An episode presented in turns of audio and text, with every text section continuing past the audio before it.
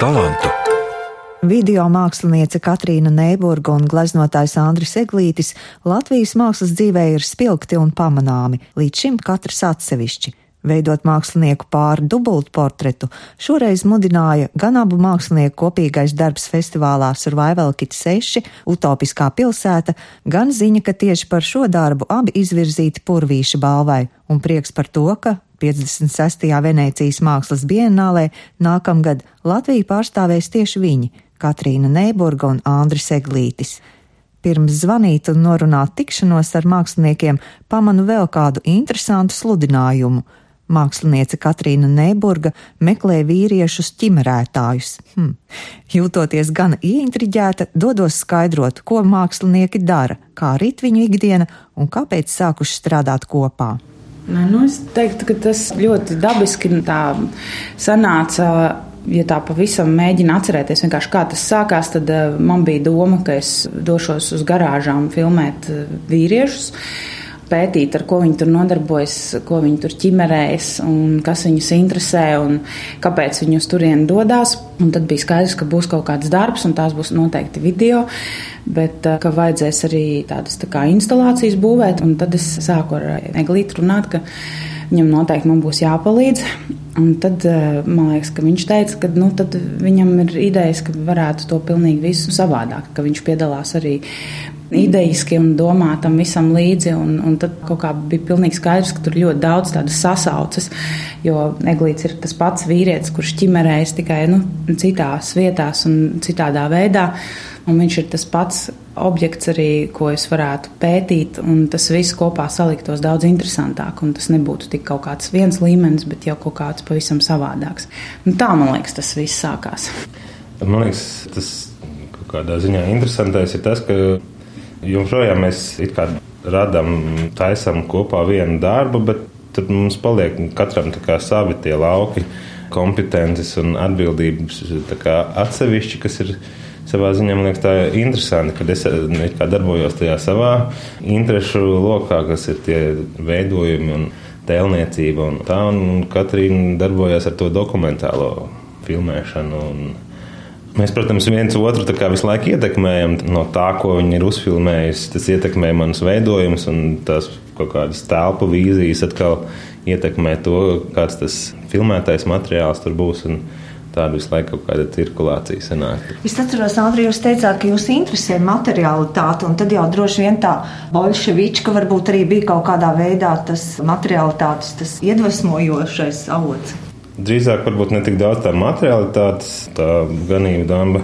Bolševička, bet kā telpa viņa bija ļoti iedvesmojoša. Nu, kā tāda milzīga telpa ar to nosacītu gan arī grieztu gaismu, kas rada to jau kaut kādu sakrālas telpas sajūtu, kur varēja izvērsties. Tādā ziņā, ka sākumā bija doma kaut kur citur veidot to darbu, tur tajā pašā Bolševičkas galvenajā korpusā, kaut kādā otrajā, trešajā stāvā, bet diezgan ātri pārliecināja visus, ka jāņem tā lielā telpa, kas sākumā likās varbūt pa lielu. Nu, Katrīnai jau tā telpa iepriekš jau bija patikusi kaut kā nu, tā. Tie veidojumi un tā interese par to materiālitāti, tas jau mm, vienkārši turpinājāt to savu interesi arī šajā projektā, darbā. Startautiskā laikmetīgās mākslas festivāla Survival Kit kuratore Solvita Krese, aicinot festivālā piedalīties Katrīnu Neiburgu, zināja, ka viņa pēta vīriešus, kas brīvo laiku pavada garāžās un rada sieviešu prāt neiedzīgas lietas. Lielākoties Katrīnas darbi bijuši vai nu tad biogrāfiski vai par sievietēm, un tad pēkšņi viņai ir interese par vīriešiem. Es domāju, nu redz, kā interesanti. Jā, un tad Katrīna teica, ka viņa taisīs kopā šo darbu ar Andri. Un man bija liels prieks par to, jo kaut kā es laikā skatījos uz viņiem, nu, tā kā viņi ir kādu laiku jau pāris, un es domāju, vai tiešām viņi kaut kā nedarīs neko kopā, bet nu, bija redzams, ka viņi abi ir tādas ļoti spēcīgas, spilgtas personības, un katram ir tāda sava orbīta.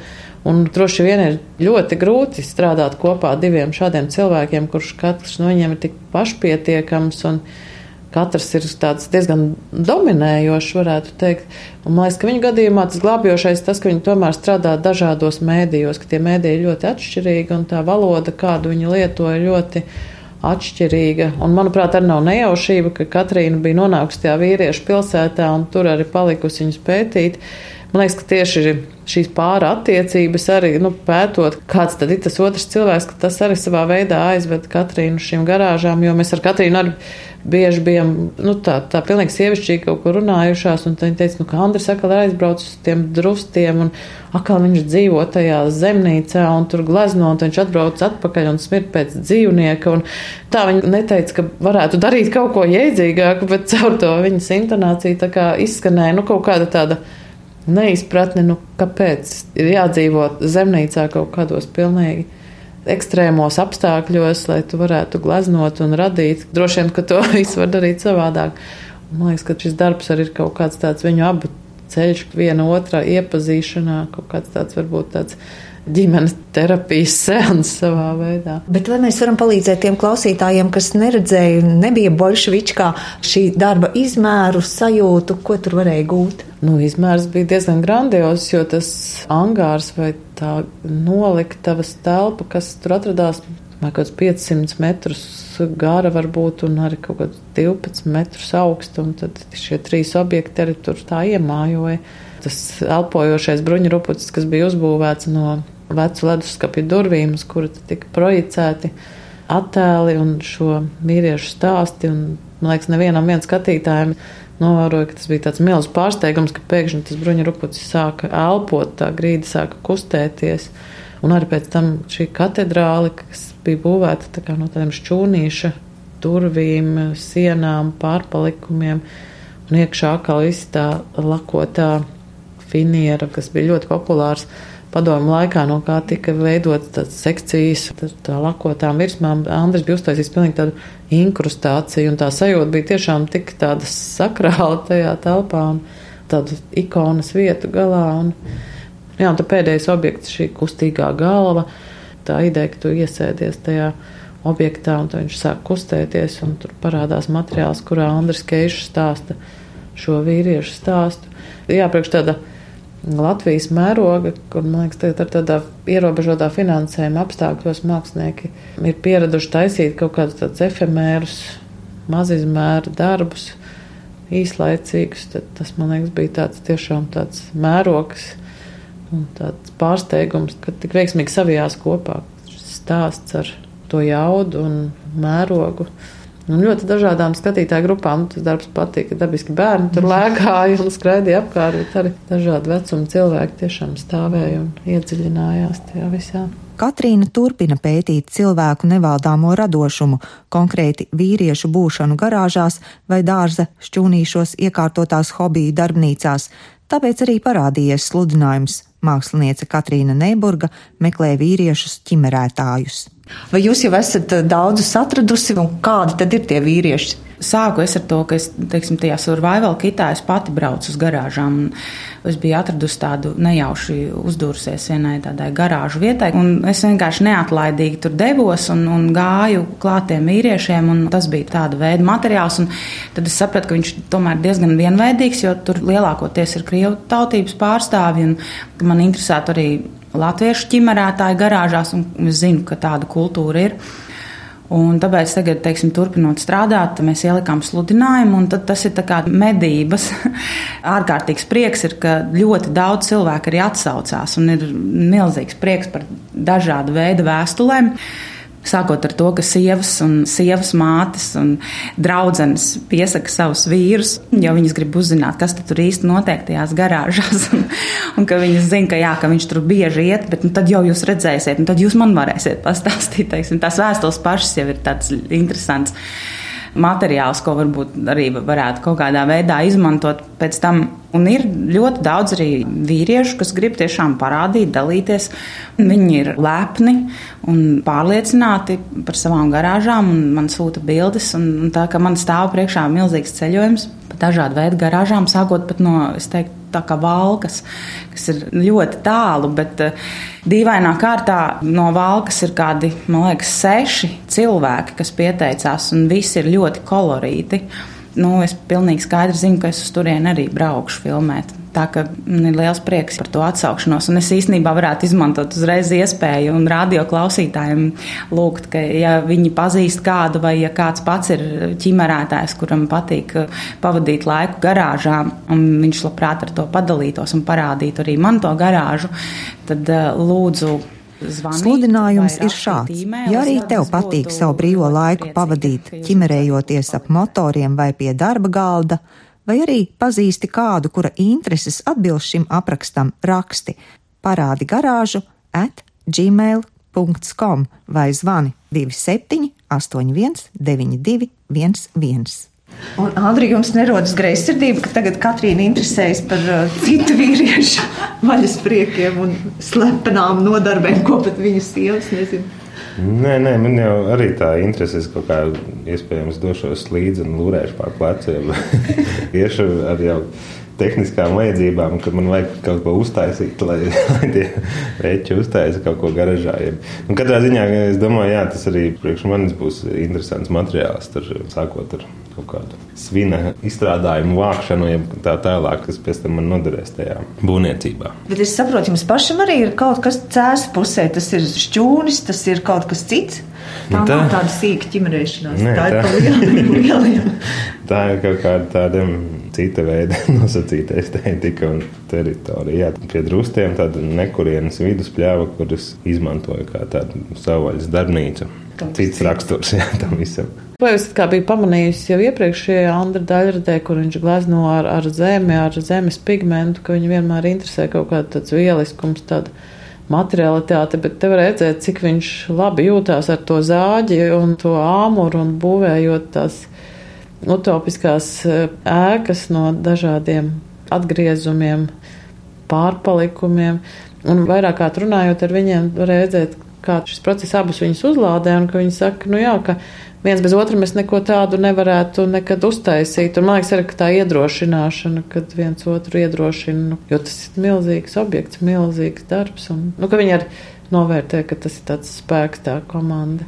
Laikmetīgās mākslas pasauli jau sāk ar nepacietību gaidīt 2015. gada māju, kad sāksies 56. Venecijas mākslas bienāle. Latvijas ekspozīcijai Biennālē, sadarbojoties ar kuratoru Kasparu Vanagu, tiks īstenots Katrīnas Neiburgas un Āndra Eglīša veidots multimediāls kopdarbs. Nu, joprojām ir tā stadija, kad jā, mēs turpinām strādāt pie tā, ka nav tā, ka mēs vedīsim. Andris atklāja, ka darbs Venecijā būs kā turpinājums tam, ko varēja redzēt festivālā Survival Kit bet par uzvaru konkursā Katrīna teica. Ir gadījumi bijuši, kad es piesakos arī uz Venecijas bienāli, bet īsti nav pat tās pārliecības un nav arī tāda ļoti liela vēlēšanās, jāsaka, uzvarēt. Un dabūt to iespēju, jo nu, tas ir tā kaut kā pa ceļam un, un ikdienišķi. Bet šoreiz kaut kā mēs paši bijām pārliecināti par sevi un likās, ka tas būs ļoti interesanti un tieši abiem kopā. Un kaut kā nu, bija tā, ka tiešām mēs pacentāmies pieteikt sevi un arī gaidījām ar nepacietību rezultātus. Tagad tas mums bija milzīgs prieks, ka mēs uzvarējām. Jā. Nu, tas ir kā skaitās tāds galvenais notikums mākslas pasaulē, nozīmīgākais. Bet tas nozīmē, ka tur ir sastopama ļoti dažāda līmeņa tā māksla, gan kvalitātes, gan vērienu, gan visāda veida ziņā. Un, un tas prasa ļoti daudz enerģijas. Te īstais brīdis zvanīt uz Berlīni, kur mīt mākslas teorētiķis Kaspars Vanaks. Viņš kopā ar abiem māksliniekiem strādā pie darba, kas taps Venēcijas mākslas biennālē. Es domāju, ka saprotoši tur nekas nav. Venēcijas biennāla jau būtībā ir sen mākslas pasaulē aprobēts pasākums, kur var pielīdzināt bet man liekas, nevajadzētu to eksploatēt uh, olimpiskajām spēlēm, kur savā starpā saspēlējas vai salīdzinās valsts ar saviem paviljoniem un kas ir ārkārtīgi svarīgi, nepazaudēt ar tām reprezentatīvajām fasādēm ikdienas darbu. Un man liekas, ka gan Andris eh, Eglīts, gan Katrīna Neiburga ir mākslinieki, kas ir ārkārtīgi intensīvi ikdienas radošajās praksēs iesaistīt mākslinieki. Un man ir interesanti vērot, kā tas var tikt prezentēts vienā atsevišķā pasākumā, kurā ir ārkārtīgi plašs piedāvājums skatītāju auditorijai, kurai nav būtībā iespējas iedziļināties tajā momentā, katru mākslinieku fonā. Tas varbūt ir riskanti. Ja? Kāds Andris un Katrīna jums šķiet un atklājas, kad kopā jūs diskutējat, sarunājaties? Es saprotu, arī esat šeit Rīgā bieži kopā. Andris Eglītis ir uh, klusais ūdens, kurš jokoties mēdz teikt, ka viņam jau sen ir prātā uzrakstīt introvertā mākslinieka manifestu, kurš ir kā pamatot, kāpēc viņš nelabprāt runā par saviem darbiem vai kāpēc viņam ir grūtības ar īpaši Rietumē Eiropas mākslas vidē šobrīd aprobēto tendenci māksliniekiem teoretizēt par saviem darbiem vai ielikt viņus kaut kādos domātāju skolu kontekstos. Savukārt ar Katrīnu sarunas ir ļoti tiešas un atklātas, bet tas, es domāju, ir saistīts arī ar to, ka viņa strādā ar pilnīgi citiem vizuālajiem medijiem, veidot dažādu cilvēku portretus, kaut kādas sociālās ainavas savos darbos. Tas, protams, prasa attīstīt komunikācijas prasmes. Kāpēc, jūsuprāt, viņiem ir svarīgi kaut ko radīt arī kopā? Es domāju, ka tā vispār ir šobrīd mākslā diezgan izplatīta tendence atkāpties no priekšstatiem par mākslinieku kā ģēniju vai kā zaļo vārnu vai vientuļo koku. Ja? Mākslinieki šobrīd strādā ne tikai tandēmos, strādā grupās, viņi grupas maina, ļoti bieži strādā pat anonīmi. Ja? Nozīmē, ka tas nav nekas tāds īpašs. No otras puses, man liekas, ir interesanti mākslas vēsturē vispār pavērot šos mākslinieku pārus, kādā veidā viņi ir strādājuši.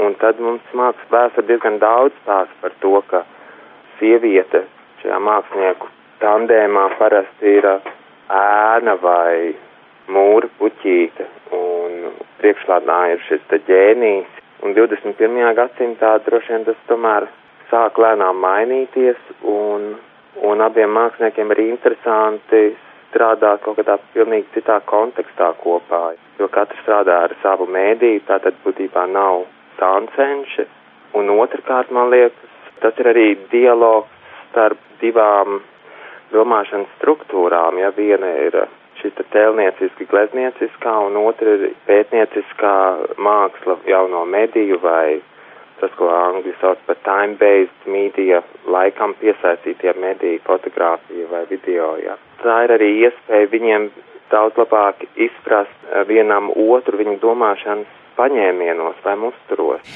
Šai stāstā par mākslinieku pāri iesaistu vēl vienu mākslinieku, Miku Mitrēvicu, gan tādēļ, ka arī viņam ir pieredze veidojot kopīgus mākslas projektus ar dzīves biedri, gan tādēļ, ka viņš ir Andra klases biedrs no Rozentāla skolas laikiem un vēl dažādos gados abi mācījušies pēcakadēmisko studiju programmā Gentē, Beļģijā. Lūkas viņa prāt Andri nemainīgi raksturo. Nu, es domāju, tas pats arī, kas šobrīd viņam ir tāds vīrišķīgs tvēriens lietām, gan tam, ko viņš dara. Gleznošana ir tāds jutīgs process, bet man liekas, viņš to dara pamatīgi tādu tvērienu un to redzēt. Lietas tiek skatītas lielos mērogos, bet tas, protams, nav absolūts. Ir arī smalkākas lietas, ko viņš dara. Nu, tas ir pamatiezīme, ko es varētu raksturot Andru. Nu, tā kā Rozentāla skola vispār ir uh, maza skola klasē, cik mēs bijām, man liekas, kādi astoņi puikas. Tad, man liekas, tur nekāda baigie dalīšana nebija. Tur viss arī kaut ko kopā darīja. Nu, sanāca, man liekas, diezgan daudz visu kaut ko kopā darīt. Tad lielākie varbūt nu, piedzīvojumiem parasti, kā vienmēr mākslas skolās, ir prakses laiks un tad droši vien dzīvošanās. Es zinu, ka Cēsīs mēs dzīvojāmies Andrim. Tur. Laikam radījām bija kaut kāda māja, un mēs gājām pie viņa. Tur. Par tām cēsīm, ko es minēju, tās bija skolas laikā, tās bija kopmītnes kopējās, kur bija mēneša dzīvošanās un gleznošana no dabas. Par lauku īpašumu, jā, man liekas, tas tur Es esmu redzējis jā, dažas dokumentācijas un arī to, ko Andris ietver savos darbos. Tik, cik daudz, cik es no bildēm, tad tā var noprast, ka tas tā droši vien pamatīgi un iedvesmojoši vieta Andrim. Šķiet, ka viņam tā daba un tā vide ir ļoti svarīga. Tieši tāda brīva vide, kur brīvi justies, nevis ieskautam starp kādām ēkām cilvēkiem.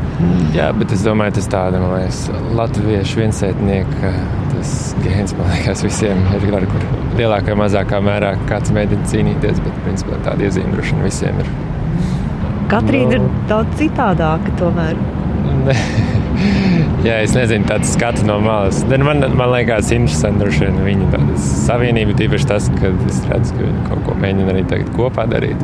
Tas droši vien ir interesanti, kā viņi to darīs, ja iet runa par Venēciju. Tā pašā laikā es arī varu saredzēt vien kaut kādas saskarsmes punktus. Katrīna, man liekas, ir tādas dāma ar tverienu, ka tur varētu arī būt kaut kāds tāds saskarsmes punkts, bet tajā pašā laikā varbūt arī konflikts dēļ tā. tā kopā strādāšana, nu, tas droši vien ir individuāli, katrs kādai tas notiek. Un, uh, man vienkārši varbūt ir līdzīgs stāsts, jo es arī strādāju ar savu dzīves biedru Kristīnu. Tur ir sava apsvēruma, kāpēc tas tā ir bijis. Es domāju, ka tas nav katrā ziņā vienkārši. No malas varbūt liekas, ka vienkārši divi mākslinieki darbojās, bet es domāju, praktiski tas ir diezgan problemātisks un tāds ļoti pamatīgs process. Bet, nu, kā jau māksliniekam, vispār nav vienkārši kaut ko radīt. Tā jau redzēs, cik ilgi viņi tā darbosies. Kopā.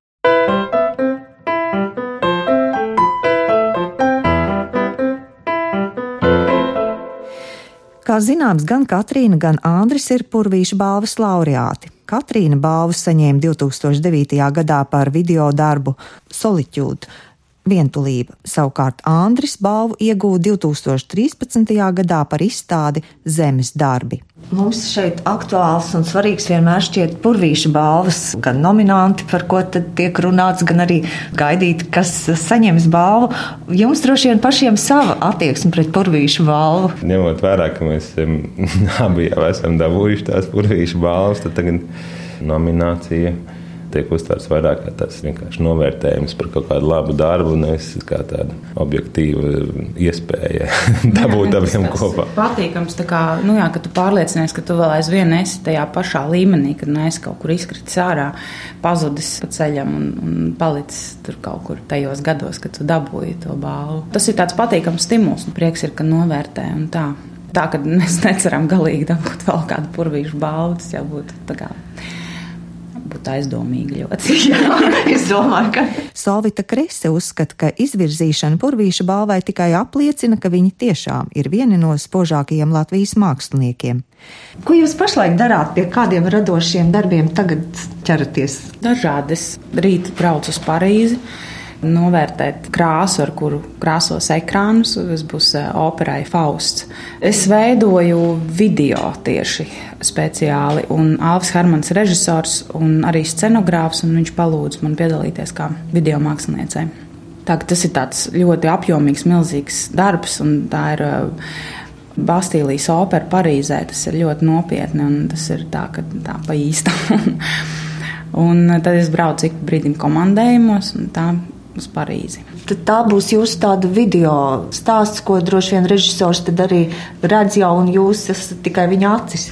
E, jā, tā varētu teikt. Nu, viņš savā ziņā ir ļāvis diezgan brīvi rīkoties, un mans darbs ir piedāvāt, un viņa darbs ir izvēlēties. Tā varētu teikt. Un, tēma tur jau ir ļoti konkrēta, un viss tā, pie kā mēs strādājam, ir skaidrs. Man ir jāmeklē materiāli, un īstenībā es reti, kad tā daru, bet eh, šoreiz es strādāšu ar svešiem materiāliem. Man ir uzdevums vairāk atrast un pielāgot citus materiālus. Nu jā, parasti īstenībā es vienmēr esmu interesējusies tikai par to, ko es pati varu izdarīt no sākuma līdz beigām. Šajā gadījumā tas ir īstenībā tāda ārkārtīga brīvības sajūta, jo tā strādāšana operā Bastīlijas, viņa liek domāt, ka tu esi visu varens un tu vari ļoti daudz ko panākt. Nu, teiksim, kas varbūt nebūtu iespējams, būt strādājot Latvijas Nacionālajā operā. Karš viņi nodrošina to iespēju, ka tu tos materiālus vari dabūt no ārkārtīgi slaveniem nezinu, dokumentālo filmu veidotājiem nu, no dažādām vietām, kur tev pat prātā nenāk, ka tu varētu interesēties. Tā. Nu, jā, vienkārši tie materiāli nepieciešami tik ārkārtīgi kvalitatīvi un nopietni, ka cits nekas arī neatliek. Kā griezties pie dažādiem lieliem un nopietniem avotiem. Tā, tas ir nu, vienkārši tāds pilnīgi cita pieredze. Nu, es Parīzē esmu jau diezgan daudz kā, pavadījusi laiku. Es biju tajā Citēdes ārts un arī speciāli tur dzīvoju, kad es vienā eh, Leplato galerijā veidoju darbu. Tā kā es esmu Parīzē kādu, man liekas, kopumā gadu nodzīvojusi. Parīze man ir ļoti tuva un pazīstama pilsēta. Tā ka viņā atgriezties vienmēr ir milzīgs prieks, un šoreiz sanāk atgriezties no pilnīgi citas puses. Jā, tā, protams, ir kaut kāda pilnīgi cita pasaule un kā vesela tā opera, tad milzīga pilsēta ar tūkstošiem darbinieku un, un kaut kas tāds pilnīgi neredzēts un interesants, ko es tagad arī izpētīšu. Jā. Katrīna stāsta arī par citiem saviem darbiem. Tūdaļ Pēterbaznīcā tiks atklāta izstāde neparastās mežģīnas, kurai veidojusi video noformējumu. Uzsākts arī darbs pie izrādes māja un pāri Valmieras drāmas teātrī. Nu, tā ka darba pietiek īstenībā, un pa vidu tam ir jāieplāno apmeklēt garāžas un filmēt un domāt par Venēcijas Bienāli, bet man ir vienmēr bijis tā, ka jo es vairāk strādāju, jo es vairāk varu paspēt. Tā, tas ir ļoti labi. Nav iespējams nevienu brīdiņu atpūsties, un tas kā, darbs cen darbu un patīk tādā veidā dzīvot. Un ko tikmēr Andris dara? Dodas uz drustiem. Jā, nē. Savukārt Andris paralēli darbam Mākslas akadēmijā un grupas izstādē, kas notiks Beļģijā, domās formulē un meklē aprises Venecijas mākslas bienāles darbam. Kaspars Vanaks, kurators mums aicināja, ka tā kā pēc iespējas vairāk veltīt laiku un uzmanības tai Venecijai. Bet es īstenībā jā, šobrīd izbaudu pirms tās ražošanas, kaut kādas panikas, to tādu domu briedināšanas periodu. Tā kā raidījums ir viena Rīga, daudz talantu, tad es nevaru neuzdot jautājumu par Rīgu, vai jums Rīga arī ir kā kaut kāds mākslas darbu iedvesmas avots, kā pētīšanas, filmēšanas vieta. Nu, es esmu pilsētniece. Esmu tā nu, skaidri sapratusi kopumā. Kaut arī man ir ārkārtīgi svarīga daba un izbraukt no pilsētas, bet uh, Rīga nu, vienkārši kā vieta, kur dzīvot. Man viņa ir ļoti dārga un svarīga. Un, lai arī cik man ļoti patiktu Parīze, Berlīne, Brisele un vēl citas pilsētas, vienmēr ir milzīgi prieku atgriežos Rīgā. Un vienīgā problēma ir tā, ka skatīties uz to Rīgu arī vajadzētu tieši tāpat kā kad aizbrauc uz Parīzi vai Briseli ar tādu lielu ieinteresētību. Tad tā pilsēta vienmēr sagādā vēl daudzus pārsteigumus, klāt vēl tam līmenim, tuvajam, mīļajam vienkārši saglabāt to ziņkārīgo skatienu. Jā, ne, man ļoti patīk šovasar strādāt tajā ganību dambī, tajā bolševičkā. Ikdienā jau mums izveidojās kaut kādas tās eh, ierastās takas un ierastās vides, ja tā apzināti nemēģini izrauties no tā ārā, tad arī neko citu no tā neredz. Un tad tas bija tāds pilnīgi cits rajons, kur mēs gājām, mēnesi strādājām.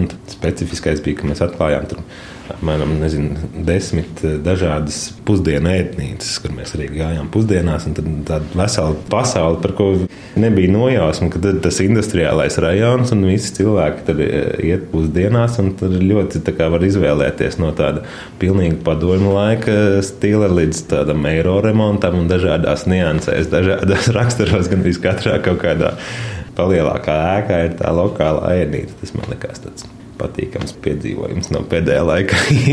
Tas viens īpaši bija skaisti ar kaut kādiem nu, cera laika tā stacija, kas ir ganīgi dāmbi ar pilnīgi šizofrēniskiem sienu gleznojumiem, milzīgiem un, un padomu laika ēnītas kultūra. Tāds pilnīgi citā realitātē.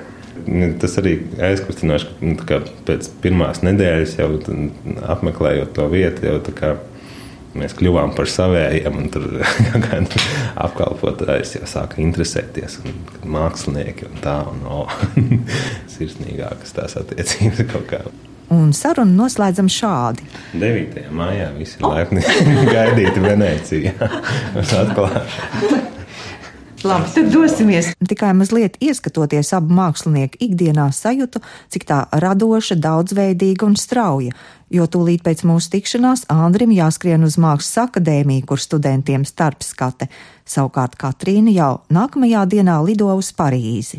Paldies par atvēlēto laiku ikdienas skrējienā abiem māksliniekiem un visiem, ar ko sarunājos, saka šī raidījuma veidotāji Valdis Raitums un Laima Slava.